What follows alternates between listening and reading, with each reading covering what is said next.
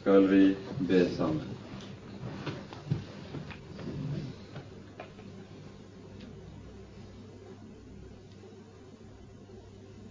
Kjære gode og hellige Gud. Takk at vi skal få lov til på ny å være sammen om ditt ord og i ditt hellige navn. Fordi du selv samler oss og drar oss inn til Jesus. Takk at du, Hellige Far, har vist din egen kjærlighet mot oss slik at du har gitt oss Jesus, og ikke spart det dyreste du eide, for at vi skal få lov til å ha en fullkommen frelse i Ham og være frie fra alt som binder oss, enten det er synden eller døden eller denne verdens makter. Du, Herre, har løst våre bånd. Nå ber vi deg, Herre, at du vil være midt iblant oss, og at du vil lukke opp dine ord for våre hjerter. Du vet, Herre, hvor blinde vi er av naturen, og hvordan vi kan forvende alle ting. Men du bevarer oss fra det som er ondt i dine øyne. Herre, du vår Gud, kom og frels oss. Amen.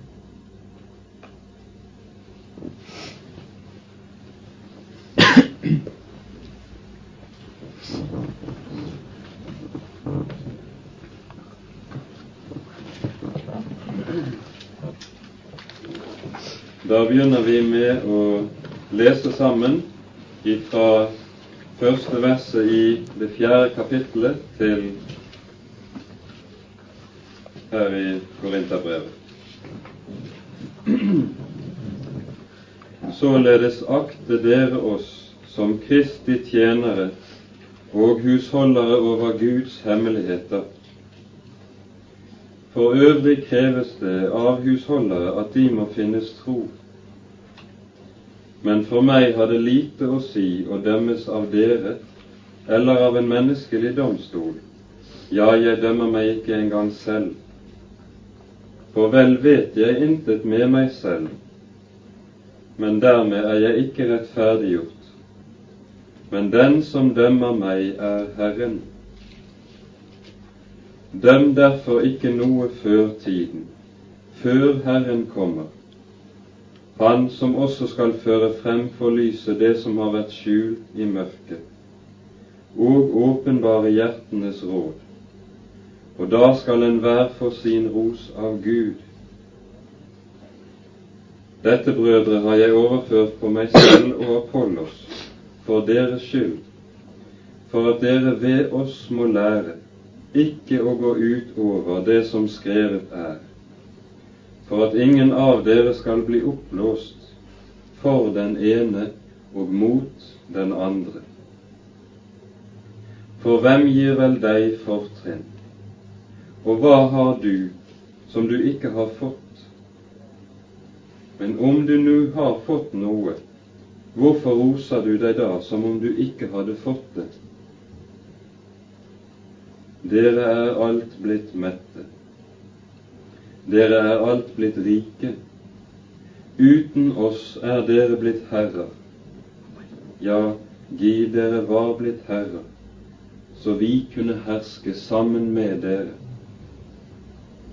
For meg tykkes det at Gud har vist oss apostler frem som de ringeste, som dødsdømte.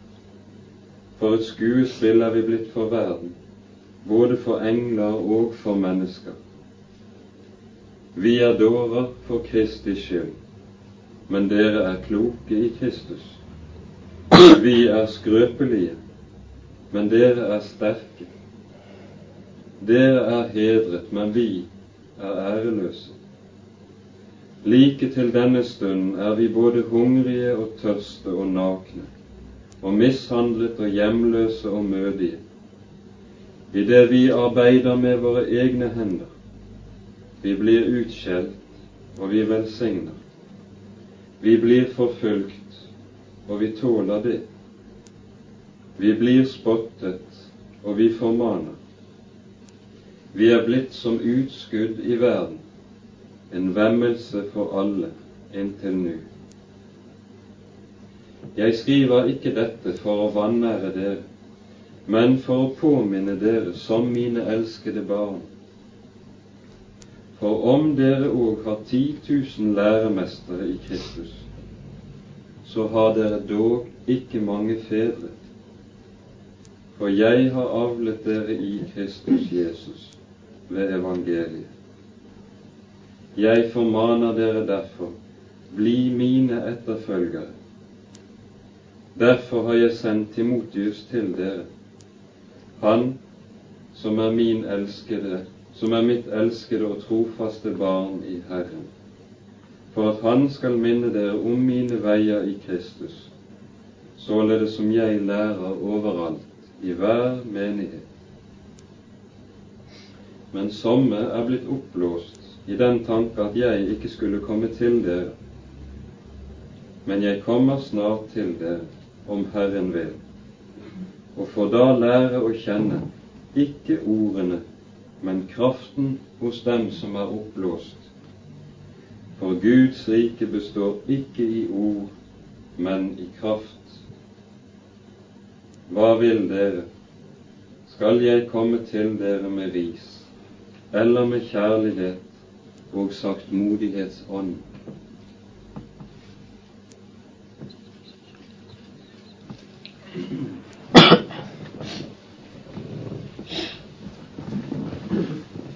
Dette fjerde kapittelet er vi gått inn i det som er det siste avsnittet i det vi kan kalle den første hoveddelen i Korinterbrevet. Hvor Paulus behandler både hvorledes menighetsarbeidet skal foregå, hvorledes Guds ord skal forkynnes, og hva de kristnes kår skal være i verden som følge av dette. Det er et liv under korset. Og Når han begynner i de første versene, Således akte dere oss som Kristi tjenere og husholdere over Guds hemmeligheter. Så griper han tilbake til kapittel 3. I vers 9 i det tredje kapittelet husker dere Paulus sa de at vi er Guds medarbeidere. Dere er Guds akerland, Guds bygning. Ordet bygning, husker vi, det betyr, betød egentlig en bygning som er under oppførelse. Og da tegnet Paulus sin tjeneste i denne sammenheng som byggmesteren, som bruker de rette og gode materialer for å bygge Guds hus. Og så kommer vi til vers 16, der bildet er av tempelet den kristne menighet sammen utgjør en tempelbygning som, akkurat som tempelet i den gamle pakts tid, var Guds egen bolig, der han selv hadde valgt å være og åpenbare seg, sånn som han sier til Israel i forbindelse med oppførelsen av tabernakelet og det første tempelet. Jeg vil bo midt iblant dere, og dere skal være mitt folk, og jeg vil være deres Gud. Slik symboliserer det første tempelet i den gamle pakts tid menigheten som tempelbygning. Og akkurat som dette det første tempelet ble oppført på Guds befaling og etter Guds ord, slik at det ikke var noe som ble gjort i tempelet som var av mennesker etter menneskelig påfunn. Alt skulle gjøres slik Herren hadde befalt det. Slik er det også med oppførelsen av den nye pakts tempel. Det er Guds tempel som er Guds eiendom, og derfor skal alt foregå på Guds prinsipp i denne sammenhengen. Dette bildet av tempelet det finner vi igjen i, Pet, i 1. Peters brevs andre kapittel, og jeg tror vi skal ta oss tid til å lese det avsnittet i dag.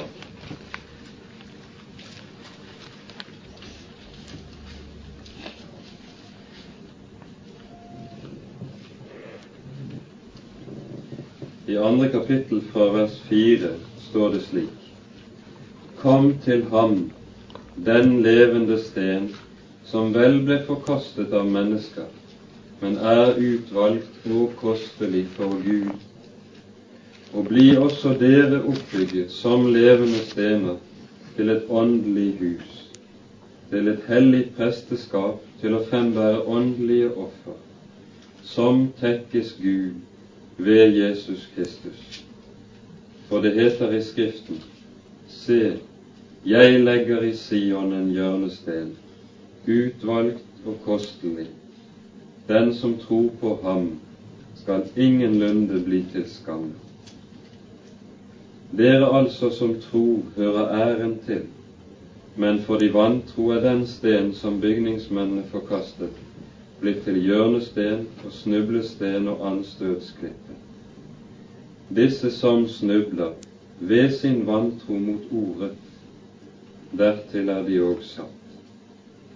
Men dere er en utvalgt ett, et kongelig presteskap og et hellig folk, et folk til eiendom, for at dere skal forkynne Hans dyder som kalte dere fra mørket til sitt underfulle lys. Dere som fordum ikke var et folk, men nå er Guds folk dere som ikke hadde funnet miskunn, men nå har fått miskunn. Her i denne sammenhengen forstår vi hva Det nye testamentets ord oppbyggelse betyr. Når vi bruker ordet oppbyggelse, så tenker vi på noe rent sånn individuelt og subjektivt. Noe som går på det følelsesmessige. Og så kan vi si, hvis vi har opplevd et møte eller en tale eller noe annet slikt på en god måte, så føler vi oss oppbygget. Slik brukes ikke ordet i Det nye testamentet. I Det nye testamentet brukes ordet om det kristne fellesskap, hvorledes det føyes sammen og bygges opp av Gud som en åndelig tempelbygning. En tempelbygning som består av levende stener. Og Der har vi underlig, et underlig fenomen i de midtøstlige og semittiske språkene. At en levende sten står i motsetning til en død sten. En død sten det er en sten som er uformelig, og som ikke passer inn i en mur. Men når den er hugget til, så blir den en levende sten.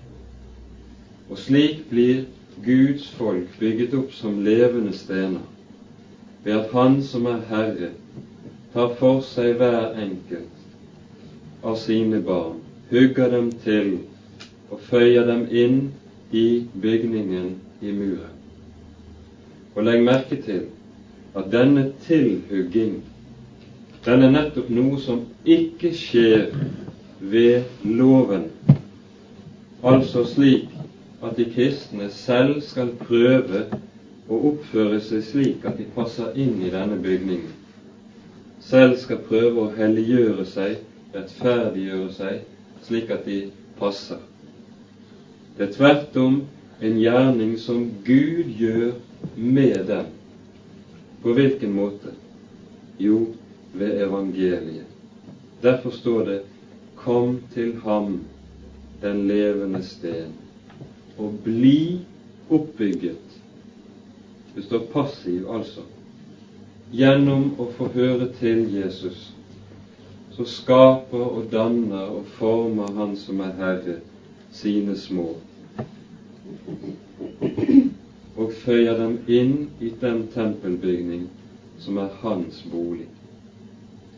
Og dette gjør han nettopp ved evangeliets ord, at det får lov til å lyde og gjøre sin virkning uavkortet iblant Guds folk. Og slik oppbygges Guds tempel til et åndelig hus, der Herren selv er til huset, der han har sin bolig. I denne sammenhengen møter vi også uttrykket eiendomsfolk, som er hentet fra Det gamle testamentet. Vi finner det første gang i Andre Moseboks 19. kapittel vers 6. Her brukes det et spesielt uttrykk i hebraisk som brukes for å betegne en konges det som befinner seg i en konges skattkammer. I datidens riker var det slik at en konge han ble sett på som den som eide sitt land og hele sitt folk. Hele hans rike var kongens eiendom, som han kunne forføye over akkurat som han ville.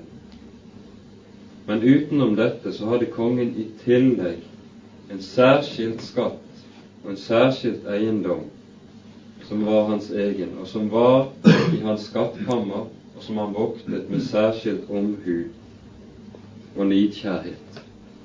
Og nettopp ordet om dette er det som brukes om Guds folk. De er hans eiendomsfolk, hans særskilte skatt, som han vokter med særlig omhu, nettopp fordi de har kostet ham så mye. Derfor brukes dette uttrykket. Og så er det altså i denne sammenhengen at da må Paulus bruke et annet bilde om seg selv og sin egen tjeneste. Han sier således skal dere akte oss som Kristi tjenere og husholdere over Guds hemmeligheter. Derfor altså menigheten beskjed om hvorledes de skal se på disse Guds ords forkynnere.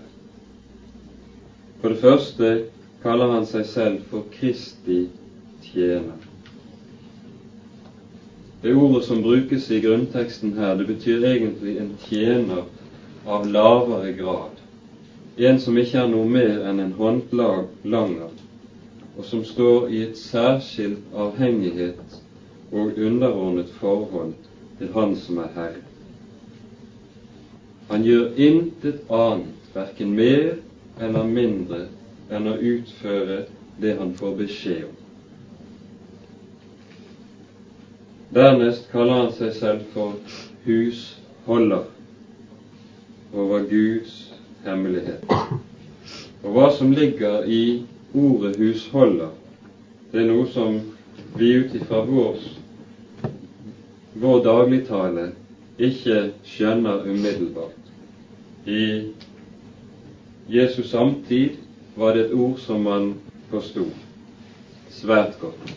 For i ethvert hus hvor det var en rik mann, så satte han en særlig betrodd slave til husholder. Akkurat som f.eks. Josef kunne bli satt som husholder over hele Egyptens land, slik at han også fikk til og med bære faraos signetring og gi ordrer, lover og forføyninger i faraos sted, altså på kongens vegne. Slik en husholder var også Paulus i Guds hus. Han er ikke en som eier huset. Og dermed kan forføye over huset og innboet etter eget tykke. Tvert om, han står til ansvars overfor eieren. Og I denne sammenhengen har Jesus fortalt en lignelse til advarsel nettopp for sine disipler, som vi finner i Lukasevangeliets tolvte kapittel. Jeg tror vi skal ta oss tid til å lese der, fra vers 42.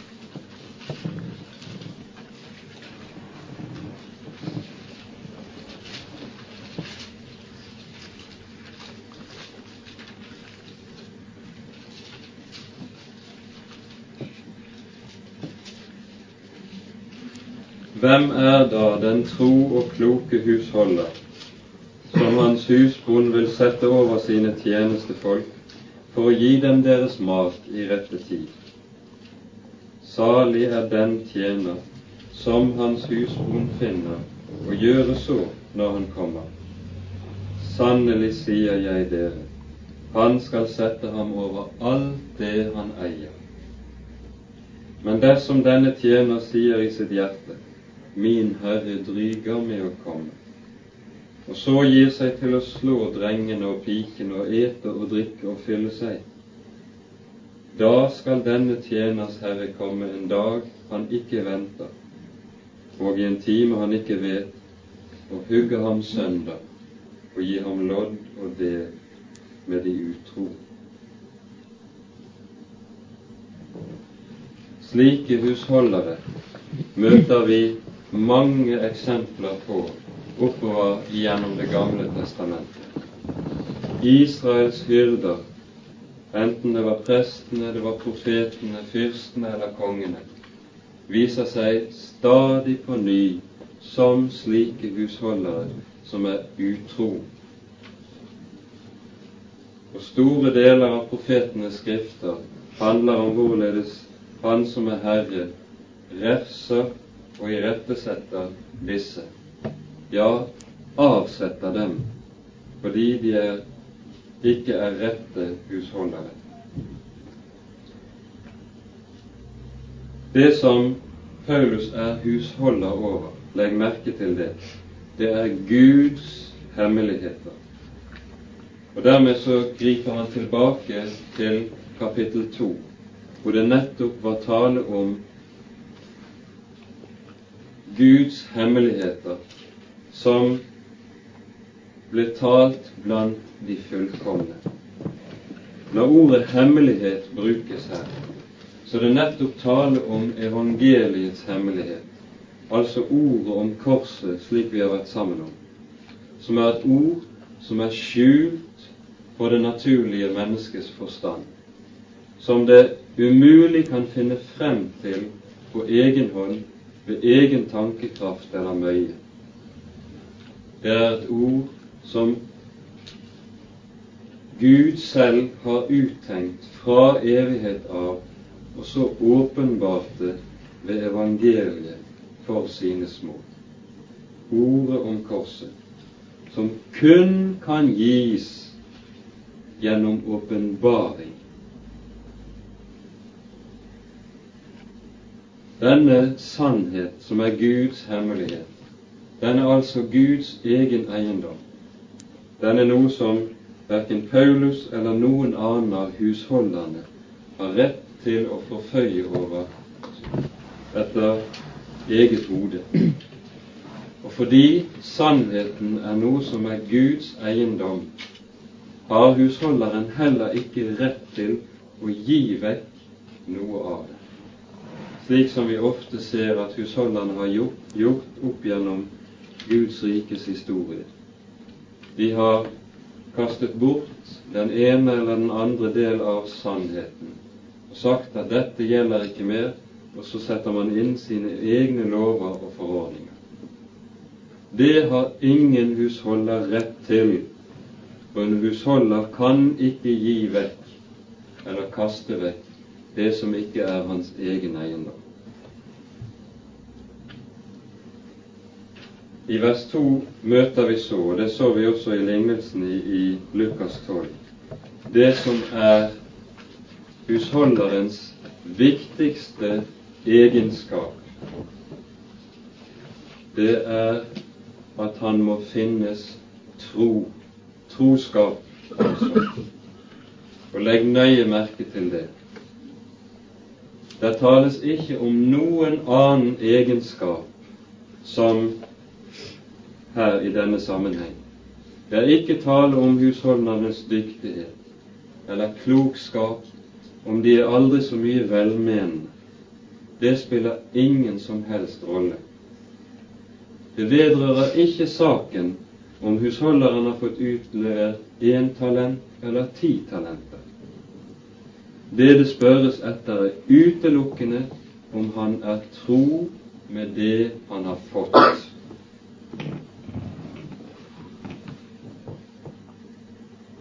For det han skal forvalte, det er jo nettopp noe som skal forvaltes etter Herrens vilje. Og her skal vi legge merke til noe som også vi ser i det norske språk, at ordet troskap henger på det nøyeste sammen med ordet tro. Og vi skal vite og være klar over at i nytestamentlig sammenheng kan det ene ikke finnes uten det andre. Manglende troskap avslører manglende tro. Og manglende tro vil alltid føre til manglende troskap, på den ene eller på den andre måten. Og da er det vesentlige at denne troskap først og fremst er en troskap som skal ytre seg i det skjulte. Det er ikke en troskap som skal vise seg at man i alle folks øyne, også i det hemmelige og i det skjulte, så er man alt annet enn tro. Nei, troskapen ytrer seg først og fremst i det skjulte liv med Herren, der intet menneske ser. Og Derfor ser vi også i vers 5 er det at Paulus taler om at når Herren skal dømme tjeneren etter om han var tro eller ikke, så tar, sier han at han skal føre frem for lyset det som har vært skjult. Det er der det regnes. Og da er det altså en troskap som ytrer seg på den måten, først og fremst i det å søke Herren og Hans åsyn for sin egen del. Troskap i å søke Herren er forutsetningen for troskap i det å tjene Herren. Troskap i det å ta imot av Herren sannheten i evangeliet, slik som man behøver det for sin egen del. Det er forutsetningen for å kunne gi den videre til andre også. Og Derfor ser vi også at Paulus, når han formaner en annen av Guds husholdere, Timotius i 1. Tim 4,16, så sier han to ting.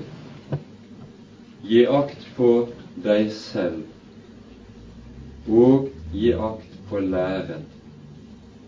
For når du det gjør, da skal du frelse både deg selv og dem som hører deg. Altså, han skal gi akt på seg selv, sitt eget hjerte, at han selv ikke i hemmelighet huser på tvedelt hjerte og ønsker å ri to hester. Og for det andre, han skal gi akt på læren, gi nøye akt på den for sin egen del. Da skal han frelse seg selv og dem som hører. Vi talte om troskap i det skjulte. Denne troskap det taler om her, den er også en troskap som skal vise seg i det små. Og det er noe som ikke alltid smaker oss mennesker. For vi vil gjerne vise oss tro når det gjelder de store ting. Det som vi synes og tror og tenker at her er det tale om vesentlige saker som har stor betydning for mange mennesker, og enten det er i samfunnsliv eller andre ting. og så slurver man, er likegyldig og bryr seg ikke om det små. Her er det sagt et ord som gjelder om dette.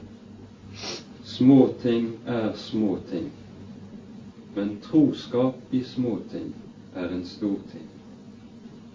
Og det er i høy grad sant i Guds rike. Og husk også at Jesus taler til de tjenerne som hadde fått utlevert talentene. Så sier han til dem, du gode og tro tjener, du har vært tro i det små. Derfor vil jeg sette deg over det, som er stort. Herren ser først og fremst på det som er i det små. Derfor skal vi ikke med våre øyne gi oss til å bedømme etter hva som er vesentlig og hva som er uvesentlig, hva som er stort og slike ting, og så bare legge vekt på det som er stort, og så slurver vi det andre. Nei, troskap i det små er fra Gud. Dernest så skjønner vi at når det er tale om troskap, så er det tale om å være tro mot sin Herre. Altså ikke tjene to herrer, søke å ri på to hester. Og det er noe som ikke kan vi mennesker kan av oss selv. Det er noe som må gis av Han som er Herre, gjennom at vi stadig fornyes i evangeliet og i omgangen med den Herre Jesus. Og fordi det er noe som bare kan gis, så ber, ber salmisten i Salme 86 vers 10 Gi meg et udelt hjerte, så jeg kan frykte ditt navn. For det som er naturlig for oss mennesker, vi har et delt og et tvesinnet hjerte. I denne sammenheng tales det også mye om i Det gamle testamentet om den villige ånd. En villig ånd til å vandre for Guds åsyn og tjene Ham i smått og i stort. Det er også noe som nettopp gis av Ham som er Herre ved evangeliet. Det er noe som ikke skapes gjennom loven og gjennom at vi prøver å etterleve loven og dens bud og dens krav. Det som er naturlig for oss, er nettopp at vi har en uvillig ånd alt som har med Gud å gjøre. Og denne uvilje overfor Gud og Hans vilje og Hans ord og Hans rike, den kommer aller klarest og sterkest til syne der hvor loven lyder, og hvor vi prøver å etterleve loven.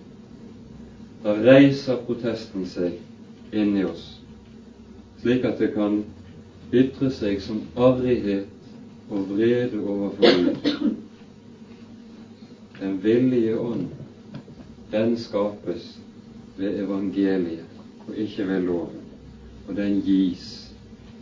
Og Derfor sies også i Jeremias 31. kapittel, hvor det er tale om den nye pakt og det som skal kjennetegne den. Den er nettopp grunnet på, står det, at Han som er Herre, vil komme og forlate deres synder og ikke mer komme deres misgjerninger i hu. Men hva skaper denne syndsforlatelse inn i deres liv og hjerter? Jo, det skapes nettopp det at loven skrives i deres hjerte og i deres sinn, slik at de begynner å elske Guds lov og Guds vilje, den som de før hatet. Dette skjer ved evangeliet. Og sammen med dette hører en annen sak som vi også vet kjennetegner den sanne troskap, og det er ordet nidkjærhet. Det ble sagt om Jesus da han renset Herrens tempel, at da kom, det står i Johannes 2, 16, at da kom hans disipler i hu at det sto skrevet om ham. Nidkjærhet for ditt hus har fortært meg. Og denne nidkjærhet, den legger Han som er Herre, også ned i sine husholderes hjerte.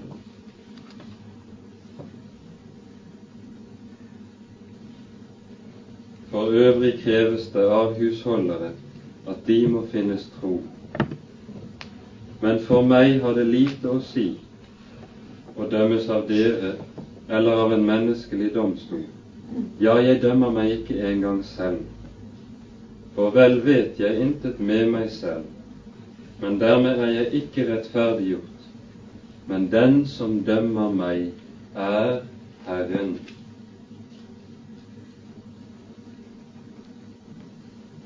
Denne avhengighet av Herren og det å stå under Herren slik Paulus gjør, som husholder og som tjener, det gir ham samtidig en fullkommen frihet fra mennesker og fra menneskers dommer og tanker over hva han er, og hvorledes han er. Vi husker at dette var egentlig det som var korinternes svøpe og det de var falt i. De skammet seg ved evangeliet.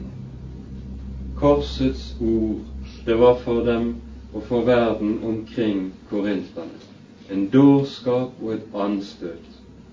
Og Derfor prøvde de nettopp å tilpasse evangeliet, tilpasse Guds ord etter menneskers smak, slik at det skulle bli lettere å akseptere, ja, at kristendommen skulle bli akseptabel i folks øyne, så de skulle slippe å være sånne som ja, måtte skamme seg for å være kristne. Det var vel det som de egentlig gjorde. For Paulus er det ikke slik. Han skammer seg ikke ved evangeliet. Den Jesus som var en dårskap og et anstøt for verden, det var i Paulus sin ære, og han satte sin ære nettopp i å få være hos ham og ha ham alene som den enerådende. Og dette ord alene som det enerådende i alt sitt liv og i sin tjeneste. Dette gjorde ham altså fullkomment fri fra menneskers dommer. Det ble sagt til Paulus allerede i hans kallelse, det sies dette refererer Paulus i apostelgjerningene 26, vers 17. At Herren sier til ham når han sender ham, Jeg vil fri deg fra alle dem jeg sender deg til. Et underlig ord. Men nettopp dette er helt vesentlig for den som skal gjøre tjeneste med Guds ord. Å ikke være bundet av falsk lojalitet mot mennesker, enten det er mot kristne organisasjoner, kirkesamfunn eller institusjoner. Det er ikke det en kristen forkynner står til ansvars for og står er tjener for. Det viser seg gang på gang at når forkynnere lar seg binde av lojalitet mot sin organisasjon, så kan det føre til at man korter av på budskapet nettopp på områder hvor budskapet kunne ramme organisasjon eller institusjon. Og det er en meget, meget farlig grøft. Og vi ser det i dag.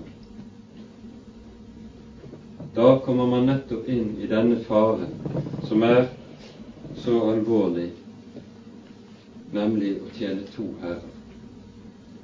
Paulus sier i Galaterbrevets første kapittel nettopp om sin tjeneste med evangeliet at dersom jeg enda søkte å tekkes mennesker, da var jeg ikke kristelig tjener. så alvorlig er det tilpasse budskapet etter mennesker, f.eks. på grunn av menneskefrykt. Menneskefrykt fører i snaren,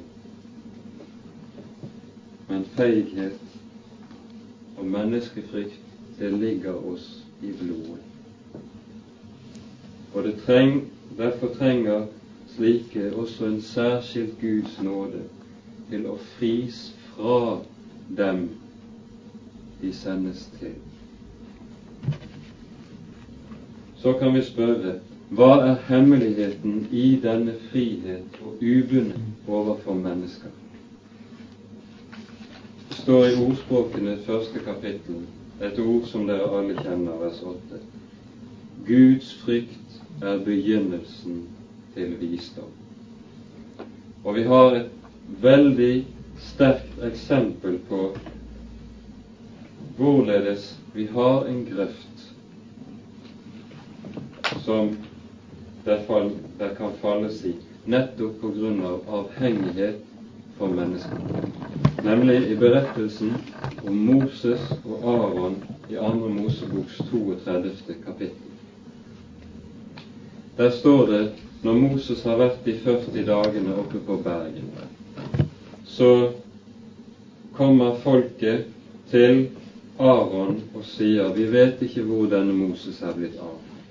Nå må du lage oss en Gud som vi kan holde oss til, for Herren har skjult seg, han er borte. Så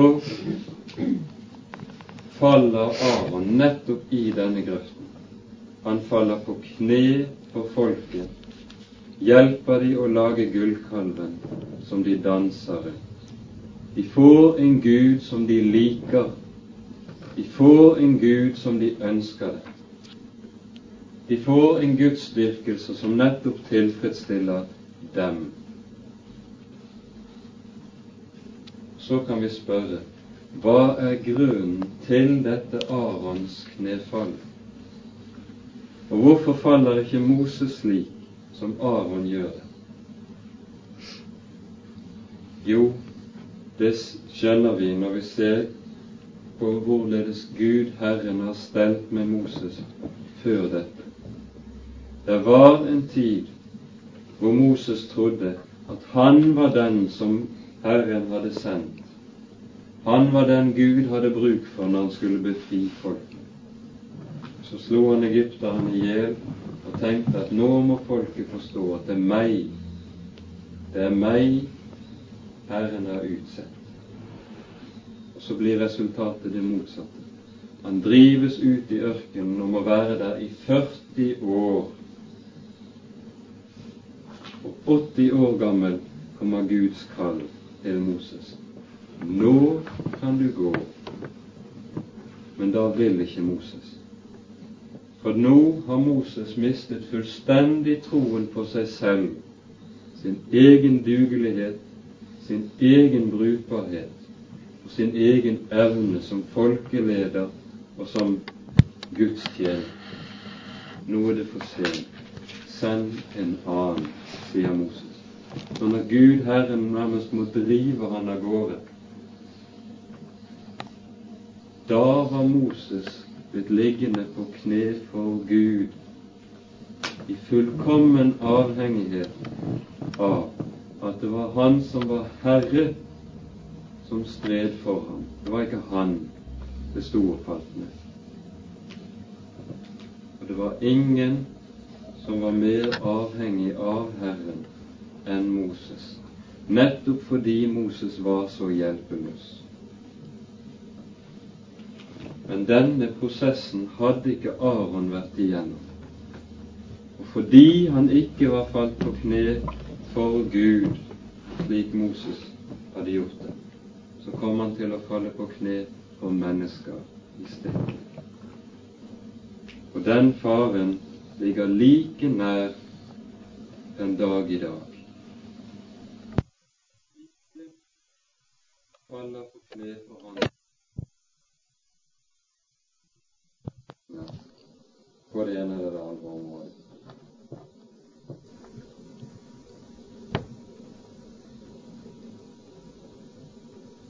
Døm derfor ikke noe før tiden, før Herren kommer. Han som også skal føre frem for lyset det som har vært skjult i mørket, og åpenbare hjertenes råd. Da skal enhver få sin ros av Gud. I denne sammenhengen skal vi lære å fare meget, meget stille med våre egne meninger og våre egne dommer om de ulike ting. For det er Han som er Herre, som skal dømme. Og det er Hans mening som teller, ikke vår mening. Det det kommer an på for Guds folk i den sammenheng, er å bli stille for Ham og hva Han har å si. Men det var jo just det korinterne ikke var. De mente seg å ha så utmerket god greie på saken at de kunne dømme om alle ting. De visste bedre enn både Paulus og Apollos hva som var rett og galt. Og de ville også foreskrive hvorledes evangeliet skulle forkynnes. De hadde ikke fått en lukket munn. Og det er nettopp for om mulig å gi korinterne en slik lukket munn at Paulus taler til dem på denne måten som han gjør i dette avsnittet her. Om de om mulig kunne komme dit hen som Jobb var kommet, at han etter at han har talt i villelse og i villfarelse gjennom kapittel på kapittel som vi leser om i Jobbs bok, til slutt må si etter at han har møtt Herren Nå har mine øyne sett deg, og jeg kaller alt tilbake. Jeg har talt om det jeg ikke visste, om det jeg ikke hadde forstand på. Nå vil jeg tie, og du skal lære meg å komme dit hen få en lukket munn. Det ser ut til at det er ingenting Han som er Herre, har mer vanskelig for enn å få oss dit hen. Da skal enhver få sin ros av Gud, ikke den som gir seg selv skussmål, holder prøve altså, men den Gud gir skussmål. Og så kommer vi til vers 6, som nærmest står som konklusjonen på dette. Dette, brødre, har jeg overført for meg selv og Apollos for deres skyld, for at dere ved oss må lære ikke å gå utover det som skrevet er, for at ingen av dere skal bli oppblåst for den ene og mot den andre, for at dere ikke skal gå ut over det som skrevet står. Det apostelen har demonstrert i de tre foregående kapitler, er jo nettopp at hele denne korinternes måte å tenke på og å ville oppføre seg på i Guds rike, det er nettopp noe som går imot det som skrevet står. Gang på gang siterer Paulus Det gamle testamentets ord og viser dem hvorledes Herren står de kløktige og de vise imot. At dette ikke er noe perifer sak, men er det helt fundamentale i Guds ord og ikke gå ut over det som skrevet står. Det var dit hen han ville ha det. Hvorfor?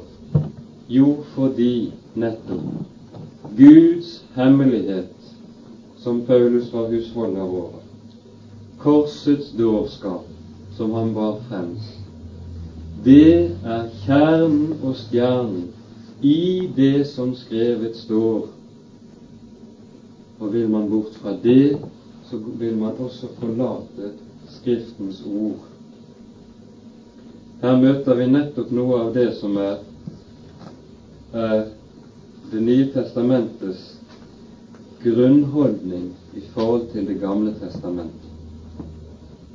Nemlig at Det nye testamentet overhodet ikke ønsker å komme med noe som helst slags ny lære som kommer i tillegg til Det gamle testamentets undervisning.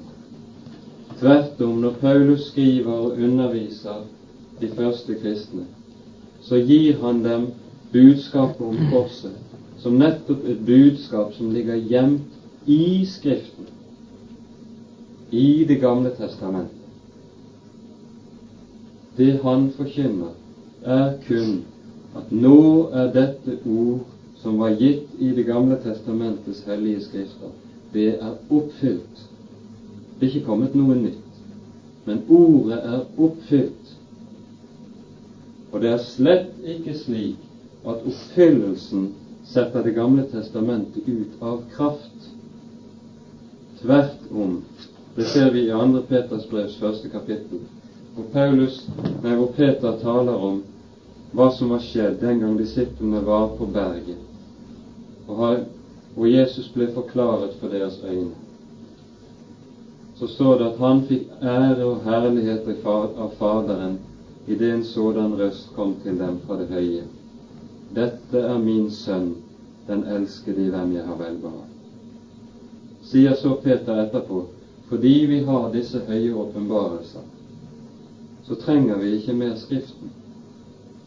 Nei, han sier tvert om desto fastere har vi det profetiske ord, som dere gjør vel i å akte på lik et lys som skinner på et mørkt sted.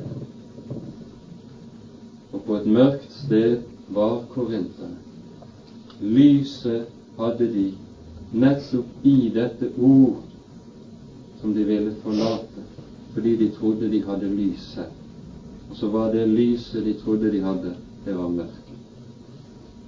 Og så gjelder den dom over dem som Jesus uttaler over fariseerne, når fariseerne spør ham kanskje vi også er blinde. Og så sier Jesus var dere blinde, da hadde dere ingen skyld. Men nå sier dere at dere ser, derfor blir deres dom desto fastere har vi det profetiske ord.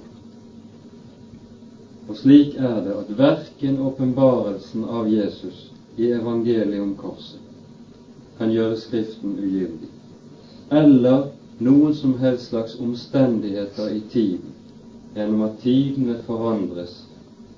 Det kan heller ikke gjøre ordet i Skriften ugyldig.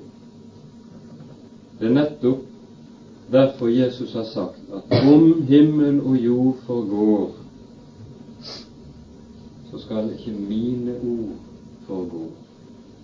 Alt som tidene forandrer seg og forvandler seg, inntil himmel og jord går under, så er det én ting som består og skal vare evig, og det er Ordet fra Gud. Denne undervisningen er det som nettopp er grunntonen i alle apostlenes undervisning av de første kristne menigheter. Det gikk ut på å føre dem inn i Skriftene, som for dem var Det gamle testamentets hellige skrifter. Og vi har vel knapt noen forestilling om hvor godt disse første kristne kjente Det gamle testamentets skrifter. Store deler av Skriftene kunne de utenat, fordi det var nødvendig for dem. Der lå maten. For, for at dere skal lære ikke å gå utover det som skrevet står, for at ingen av dere skal bli oppblåst. Og legg igjen merke til det. Det å bli oppblåst, altså full av luft, men egentlig tom. det henger sammen med det å forlate det som skrevet står. Den ånd som har som kjennemerke at den sier har Gud virkelig sagt. Hovmodets ånd. Den, dette henger sammen. Hovmod og å gå utover det som skrevet står. For hvem gir vel deg noe fortrinn, sier Paulus så.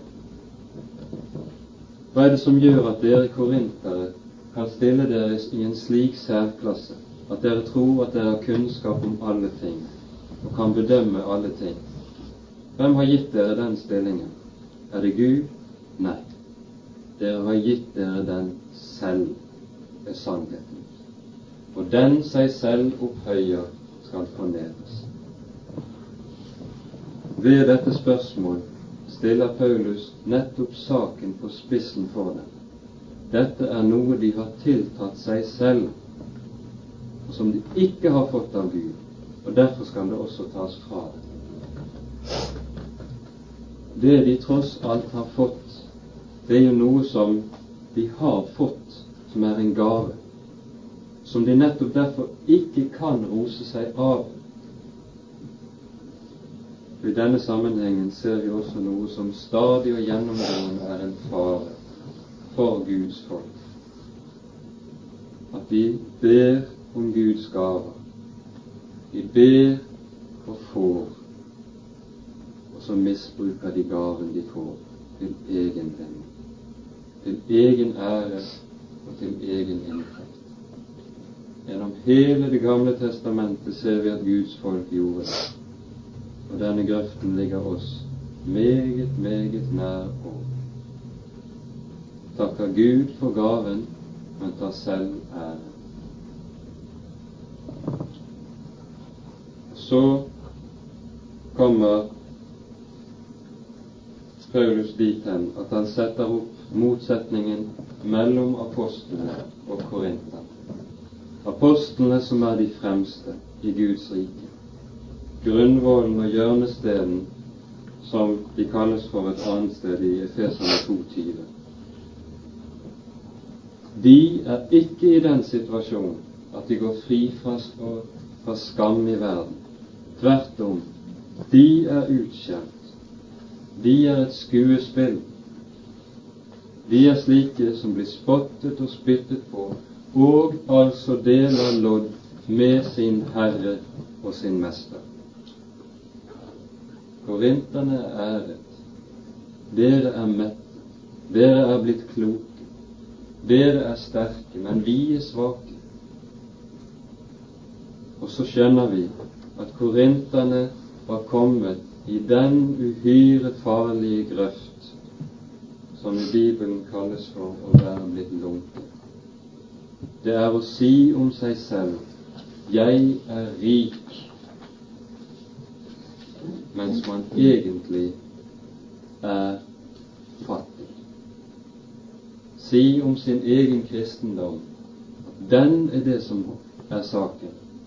Her har vi det. Vi har løpet det, slik som de gjorde i Laodikea.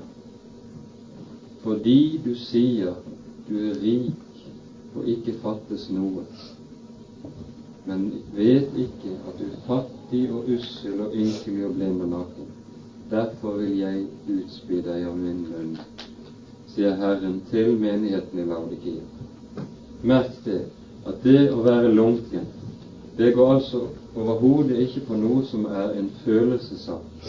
At man ikke har brennende følelser, slik som vi gjerne ville ønske. For det er ytterst, ytterst sjelden at kristne får lov til å ha det, og da blir det gjerne i stakkete stunder. Men det å være lunken, det er altså å si om seg selv 'Jeg er rik'. Det er en farlig ting. For da kommer man inn i det forhold til Jesus at man ikke lenger trenger ham, men blir selvhjulpen. Og å bli selvhjulpen som kristen, det er vel det farligste form for selvbedrag som man kan komme inn Og da er det så godt som umulig å bli irettesatt. Apostlene derimot, de bærer så å si Jesu egne sårmerker. Og her ser vi at de, på dem sannes virkelig Jesu ord. En tjener er ikke større enn sin Herre. Har de hatet meg, så skal de også hate dere.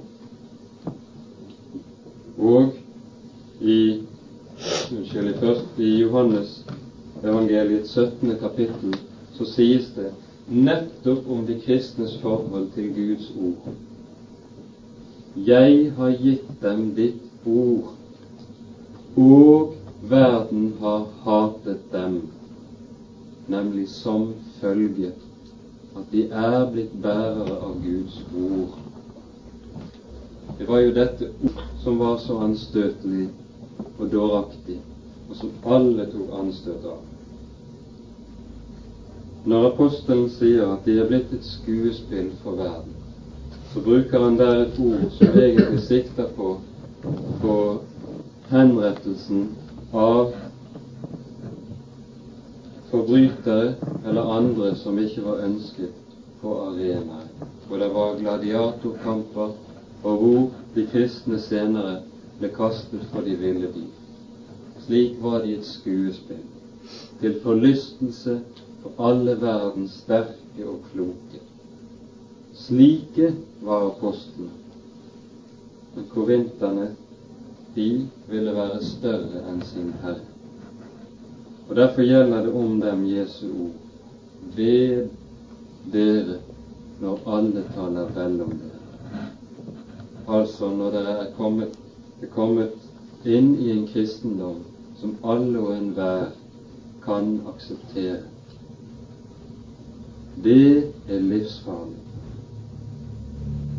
Den som er sann i denne sammenheng, han skal erfare det dilemmaet som alle Guds ords vitner må komme til å stå overfor at dersom han taler sannheten til verden, så vil han bli fordømt av verden. Men dersom han ikke taler sannheten til verden, så vil han bli fordømt av Kristus. Og det er langt vei. Vi skjønner altså i denne sammenhengen at der hvor evangeliet får gjøre sin gjerning. Der fører det sin egen fattigdom med seg inn iblant de kristne.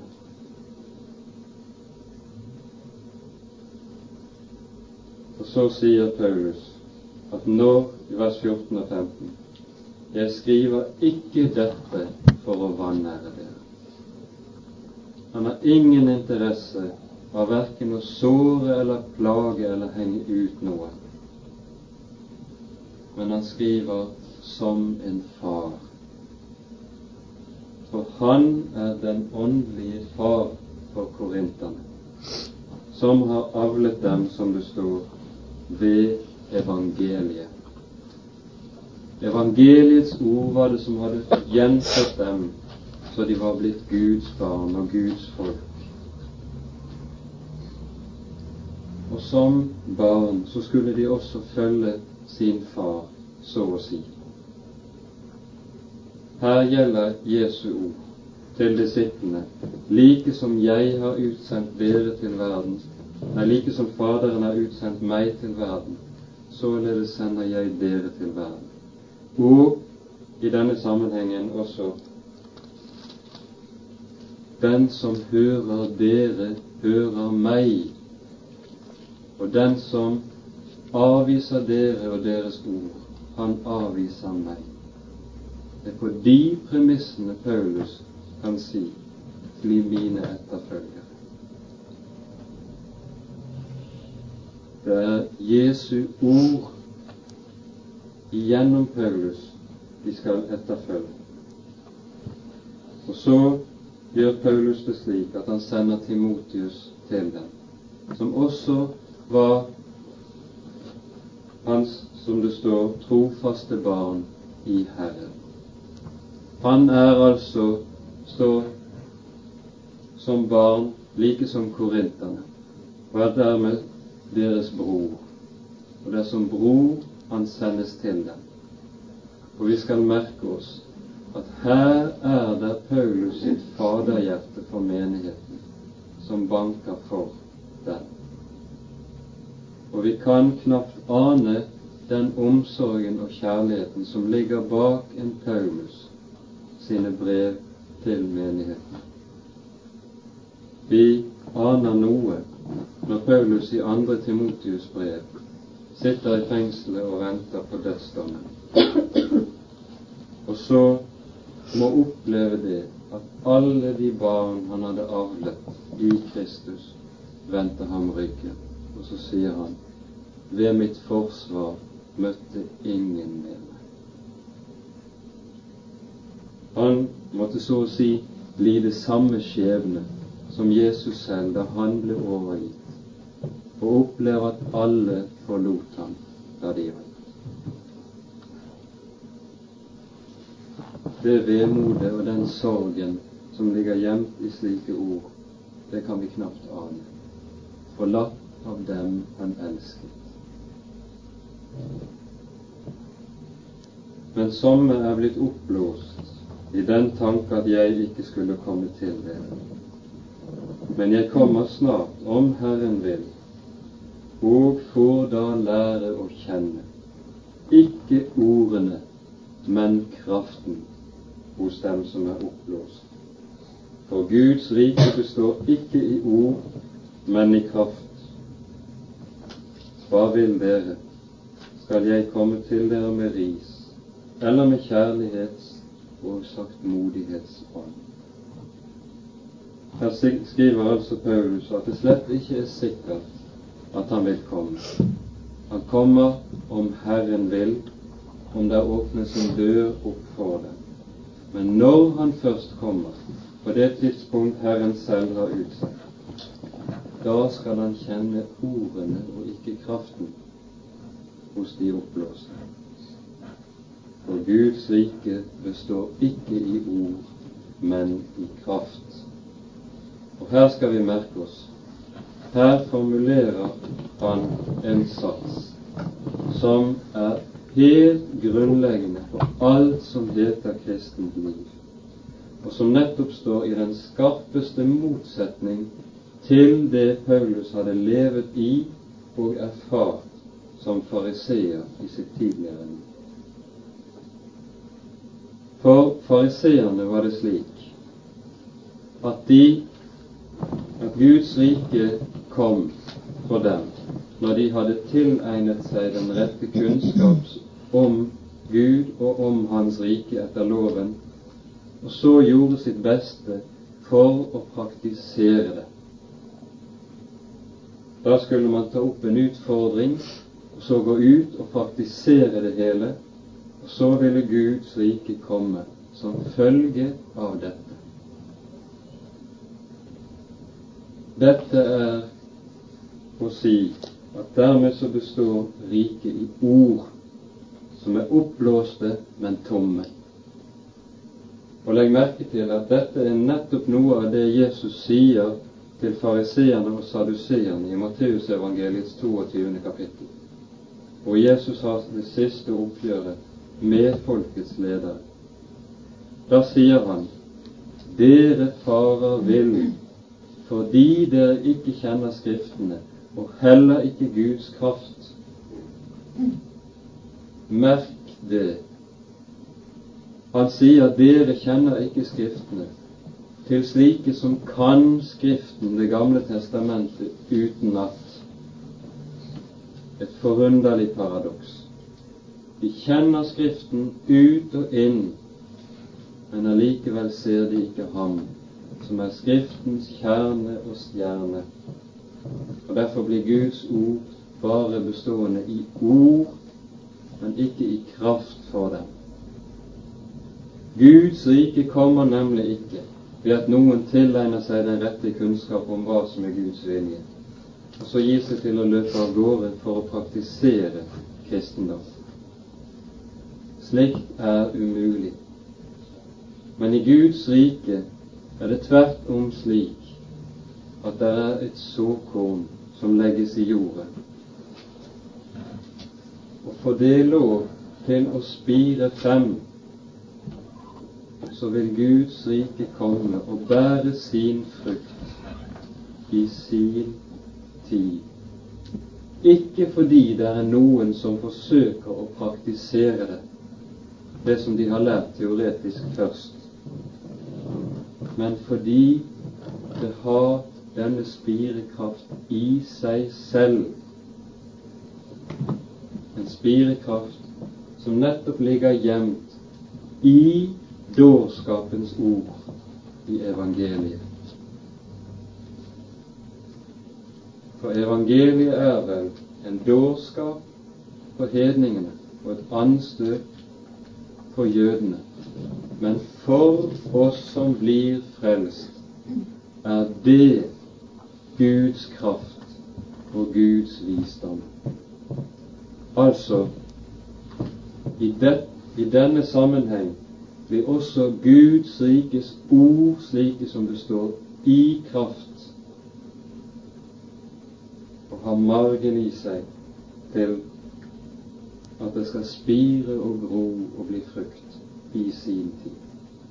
Alt det andre vil føre til, som korinterne var opptatt med å beskjeftige med, nettopp for å prøve å fremme Guds rike, sånn at det blir frukt, sånn at det blir mer. Det var jo velment. Det var slikt som var kraftløst og ikke førte til at det spirte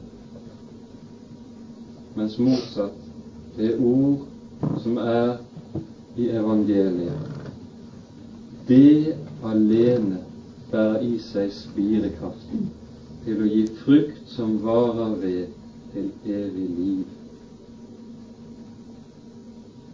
Da skjønner vi også hvorfor Jesus kan si som han sier, det eneste som skal bli til evig tid, er det ord han har talt det bærer i seg Guds egen kraft, selv om det for menneskene ser aldri så smått, aldri så ubetydelig og hjelpeløst ut. Der ligger hele Guds frelseskraft gjemt. Og Der tror jeg at vi stanser for i dag.